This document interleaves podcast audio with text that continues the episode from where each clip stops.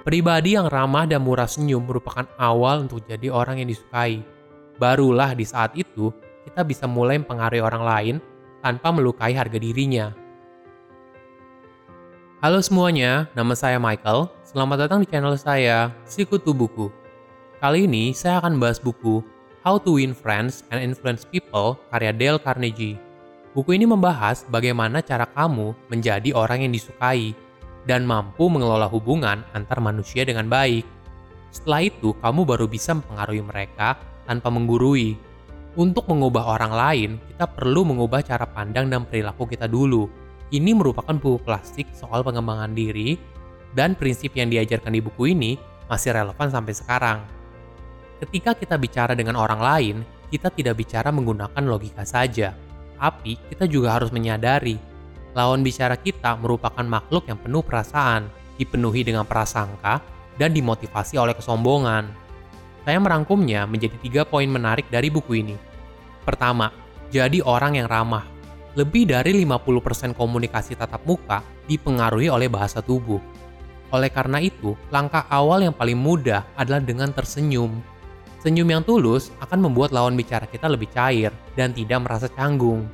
Jangan lupa juga untuk ingat nama lawan bicara kita. Ini adalah tata krama paling dasar. Apabila kita bertemu lawan bicara, kita harus ingat namanya, karena itu adalah hal yang penting.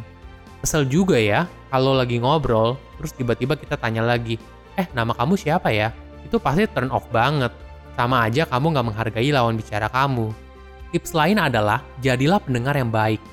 Pada dasarnya, setiap orang suka bicara tentang dirinya sendiri Ketika kita bisa membuat lawan bicara kita banyak cerita tentang dirinya, itu adalah sinyal positif. Apalagi kalau kita mendengar setiap perkataannya dengan serius dan penuh perhatian. Dale mencontohkan kisah Theodore Roosevelt, Presiden Amerika ke-26. Roosevelt memiliki pengetahuan yang luas sehingga mampu berdiskusi dengan topik yang beragam. Ketika Roosevelt ingin bertemu seseorang, biasanya dia membaca profil lawan bicaranya dulu dan mencari tahu apa minatnya. Kebiasaan ini yang membuat Roosevelt sangat cair ketika dia bertemu orang lain hingga terasa seperti kawan lama. Kedua, jangan mengkritik. Cara memenangkan sebuah argumen, ya hindari argumen tersebut. Walaupun kamu nggak sependapat, kamu harus tetap menghargai pandangan orang lain. Jangan pernah bilang, kamu salah. Ketika kita ingin membuktikan pandangan orang lain salah dengan memberikan argumen atau kritik, selogis apa pun itu, pasti lawan bicara kita bersikap defensif dan berusaha mencari pembenaran. Tentu saja percakapan ini tidak menguntungkan siapa pun. Lihat aja acara debat. Dua pihak yang berseberangan saling berusaha membuktikan pandangan siapa yang paling benar. Apakah pihak yang menang berhasil mempengaruhi pihak yang kalah, atau malah membuat jurang perpecahan makin dalam? Daripada kritik, Dale menyarankan kita memulai diskusi pada hal-hal dasar yang membuat masing-masing pihak setuju karena setiap kata setuju dari lawan bicara kita, benteng pertahanannya makin lama makin menurun. Sehingga alur percakapan lebih mudah mencapai kesepakatan ketika kita mulai masuk pembicaraan yang lebih berat. Untuk mencapai kesepakatan, kita juga harus membuat lawan bicara kita merasa memiliki. Coba tanya ke mereka, solusi apa yang mereka bisa tawarkan.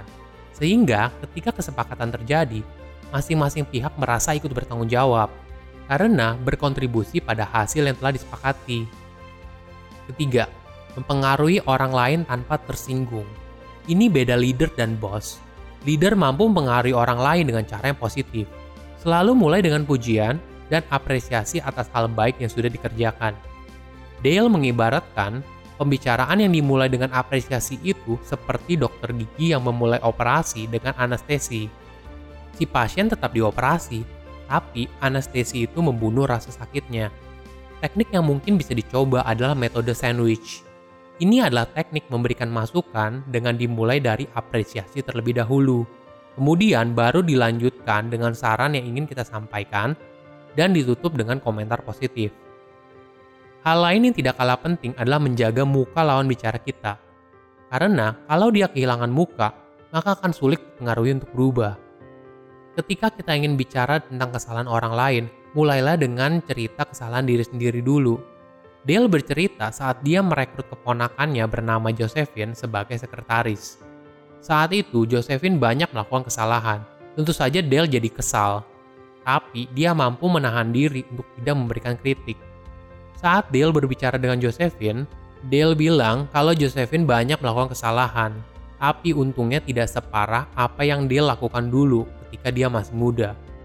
Dale kemudian juga menjelaskan dengan pengalaman Josephine pasti bisa bekerja dengan lebih baik. Pribadi yang ramah dan murah senyum merupakan awal untuk jadi orang yang disukai. Barulah di saat itu kita bisa mulai mempengaruhi orang lain tanpa melukai harga dirinya. Silahkan komen di kolom komentar pelajaran apa yang kalian dapat ketika baca buku ini. Selain itu, komen juga mau buku apa lagi yang saya review di video berikutnya. Saya undur diri, jangan lupa subscribe channel YouTube Sikutu Buku untuk versi animasinya. Bye bye.